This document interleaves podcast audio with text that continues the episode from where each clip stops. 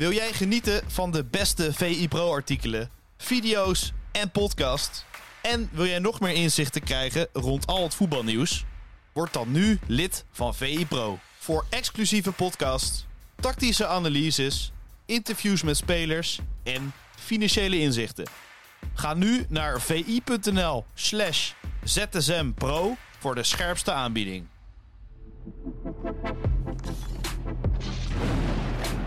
Het is vrijdag eh, 17 maart, Jos. En eh, misschien wel een historische ochtend. Want gisteravond was in ieder geval een historische Europese coëfficiëntenavond. Ja, fantastisch. Ja, nou, Bizar. Het had historischer kunnen zijn. eh, Ja, ja, ja. Daar komen we later op ja, inderdaad. daar komen we later op terug. Inderdaad, degene die tot heel laat zijn blijven zitten, die hebben het eh, gezien.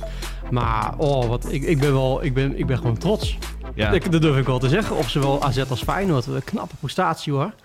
Vooral AZ vind ik dan dat je Lazio uitschakelt. Dat dat vind ik echt wel wat hoor. Ja. Lazio is gewoon verwikkeld, eh, nou, niet in de titelstrijd, maar die gaan meedoen waarschijnlijk Champions League halen via de Serie A.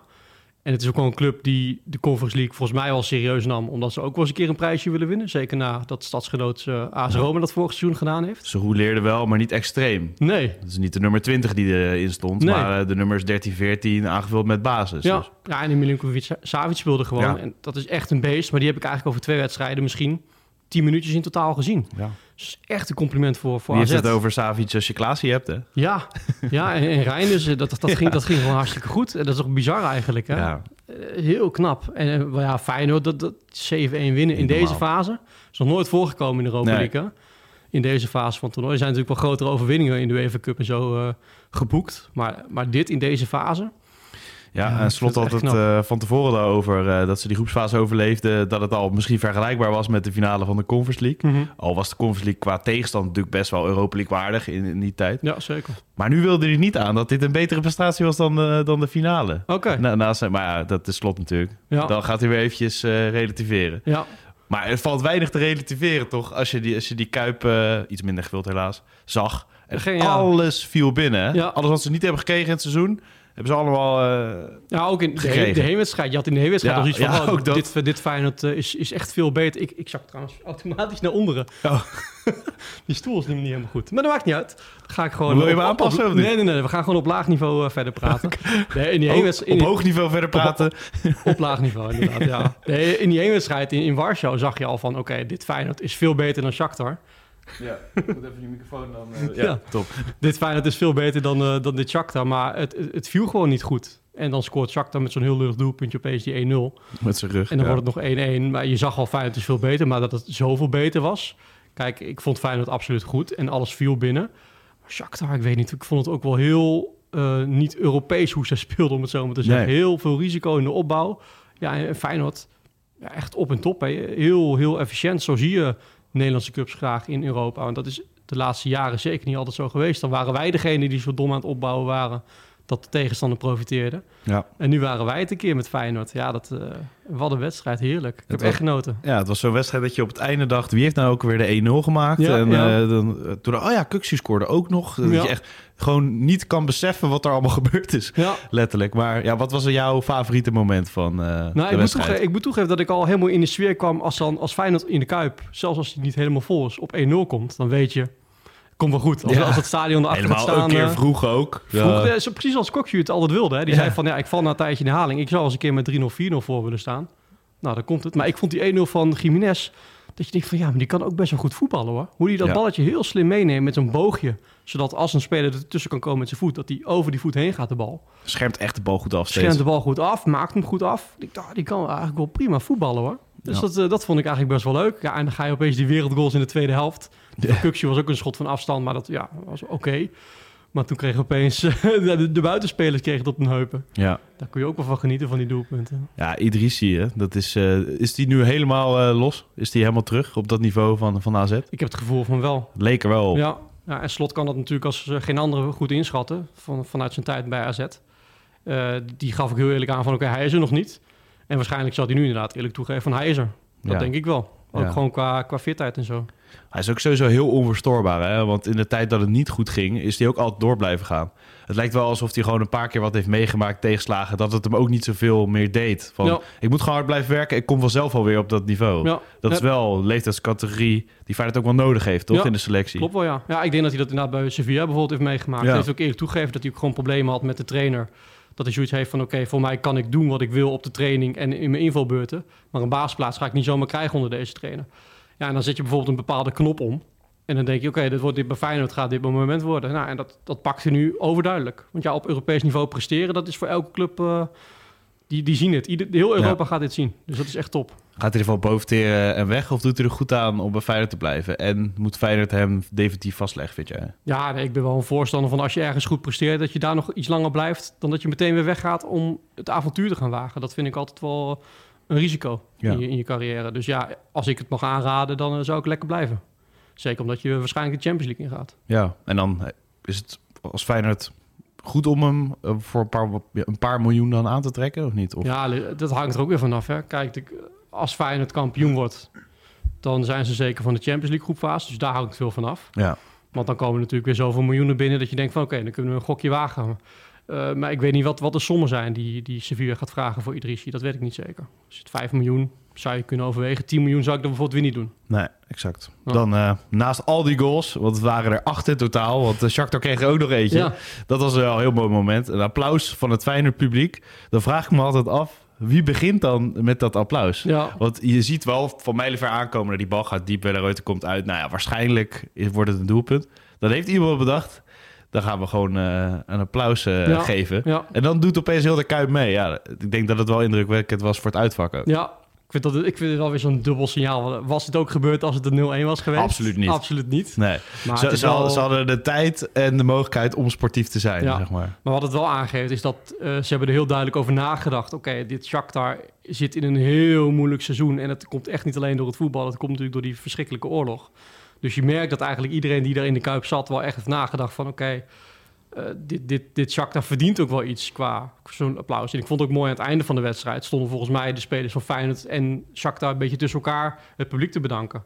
Dus de spelers van Shakhtar bedankten ook het Ja. thuispubliek. Kuxu eh, met eh, eh, de aanvoerder Matvienko Ja. samen. Ja, ja, die hadden wel heel erg een klik. Ik denk, is er een transfer besproken of zo voor volgend seizoen? Nou ja, of, of het is misschien Kuxu die met de aardbeving in Turkije heeft meegemaakt. Oh, wat het is voor je, je land om, om, die, om, ja, om pijn te voelen Ja. van burgers en familie en Oh, vrienden. goeie, ja. Ik denk dat het daar een beetje, een beetje over ging. Ja, had ik niet eens aan gedacht. Ah, dat kan wel goed kan, ja. Dat was het meest gelezen ook op eh, vi.nl. Ehm, ja, kijk dan even terug als je dat applaus en eh, ja, die eh, twee spelers naast elkaar nog niet hebt gezien. Ja. Dat is een mooi beeld.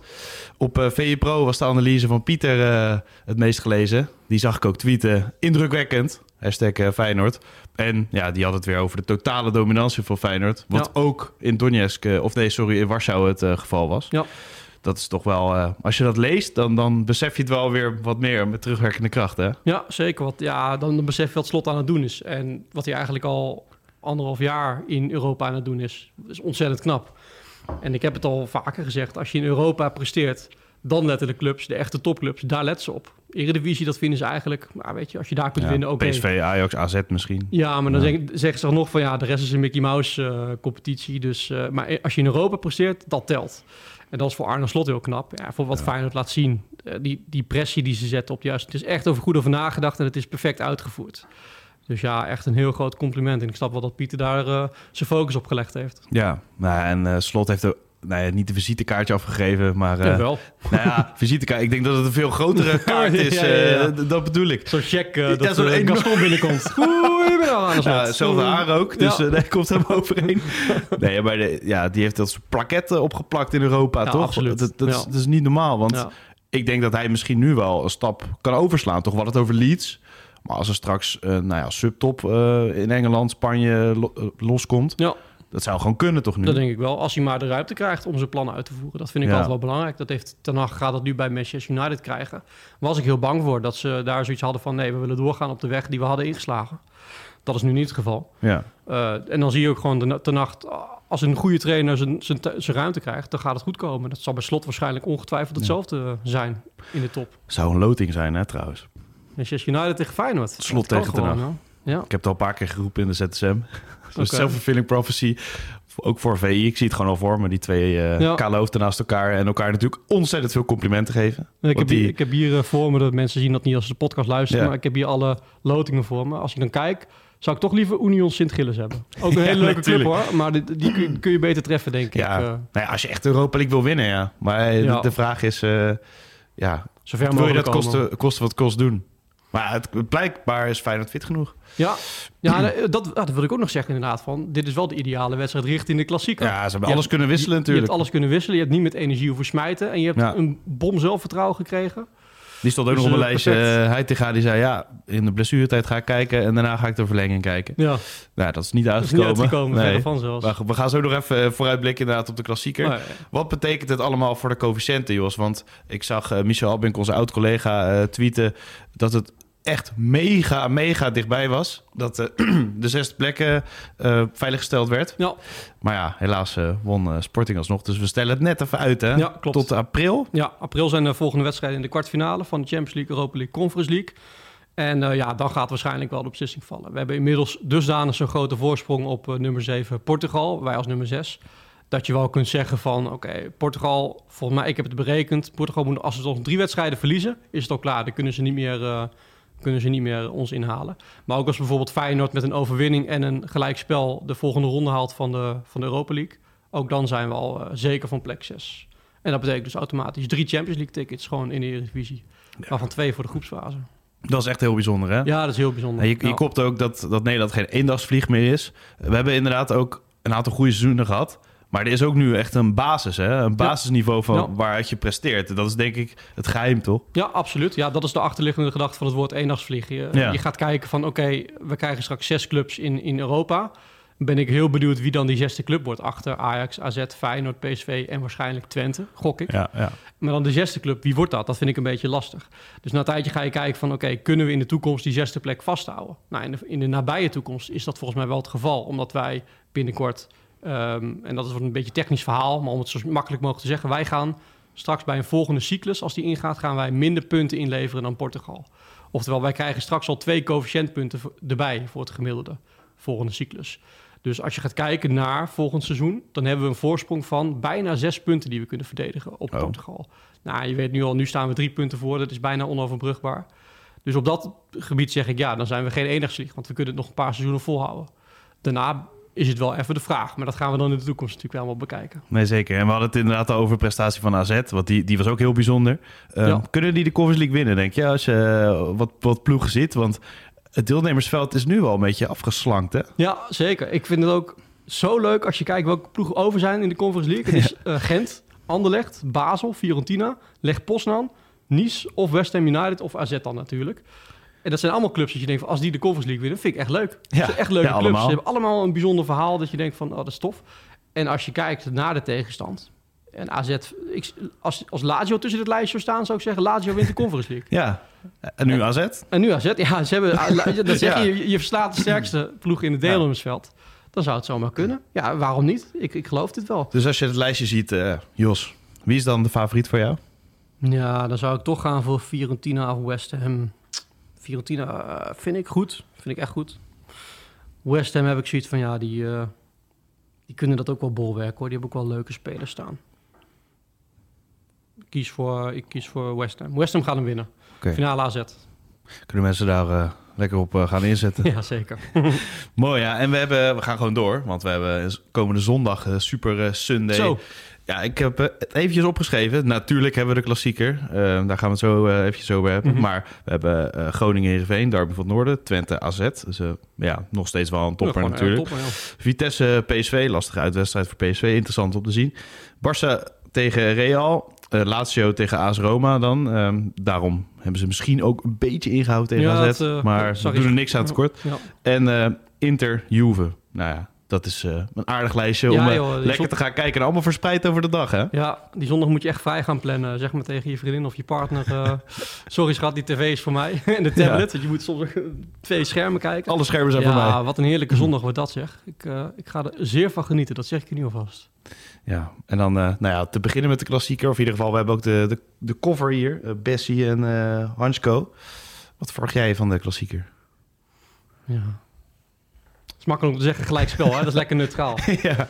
Ik heb zoiets van, om de een of andere manier, hoe goed Feyenoord ook kan zijn in een seizoen, ze hebben altijd moeite om te winnen in, eh, in Amsterdam. Eh, Hoe lang is het nou geleden? 2005? Het was Ja, nog in de tijd met Kalou en Kuit in ieder Ja, geval. ja, ik was, eh, ik was tien. Oké. Dus- Ja, dat is gewoon... 2005, ja. Dat, dat is gewoon de laatste keer dat Feyenoord daar gewonnen heeft. En, Ja. en, en vorig seizoen dacht je echt van... oké, dan gaat het dan wel gebeuren. En dan krijg je zo'n knotsgekke slotfase... dat het 3-2 wordt via Anthony.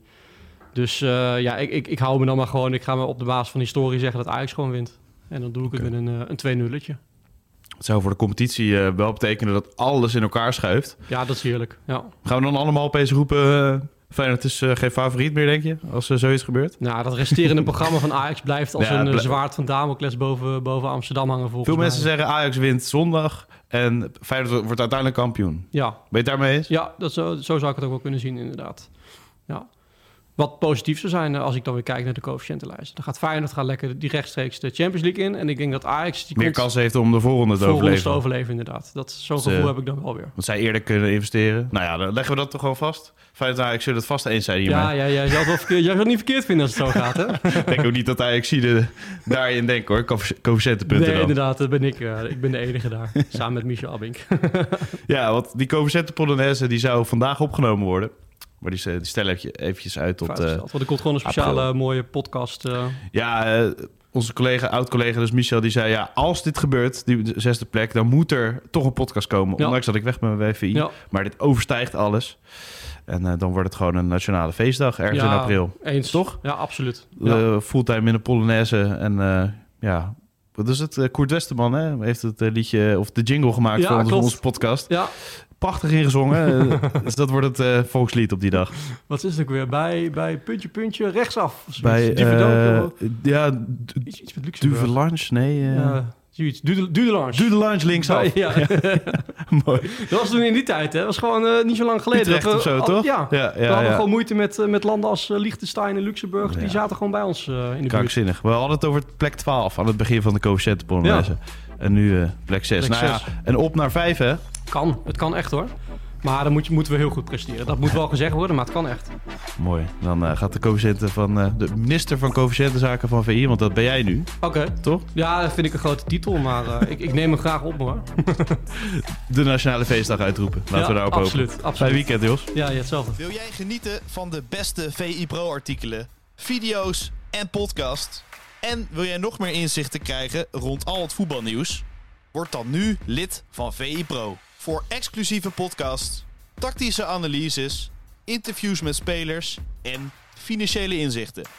Ga nu naar vi.nl slash zsmpro voor de scherpste aanbieding.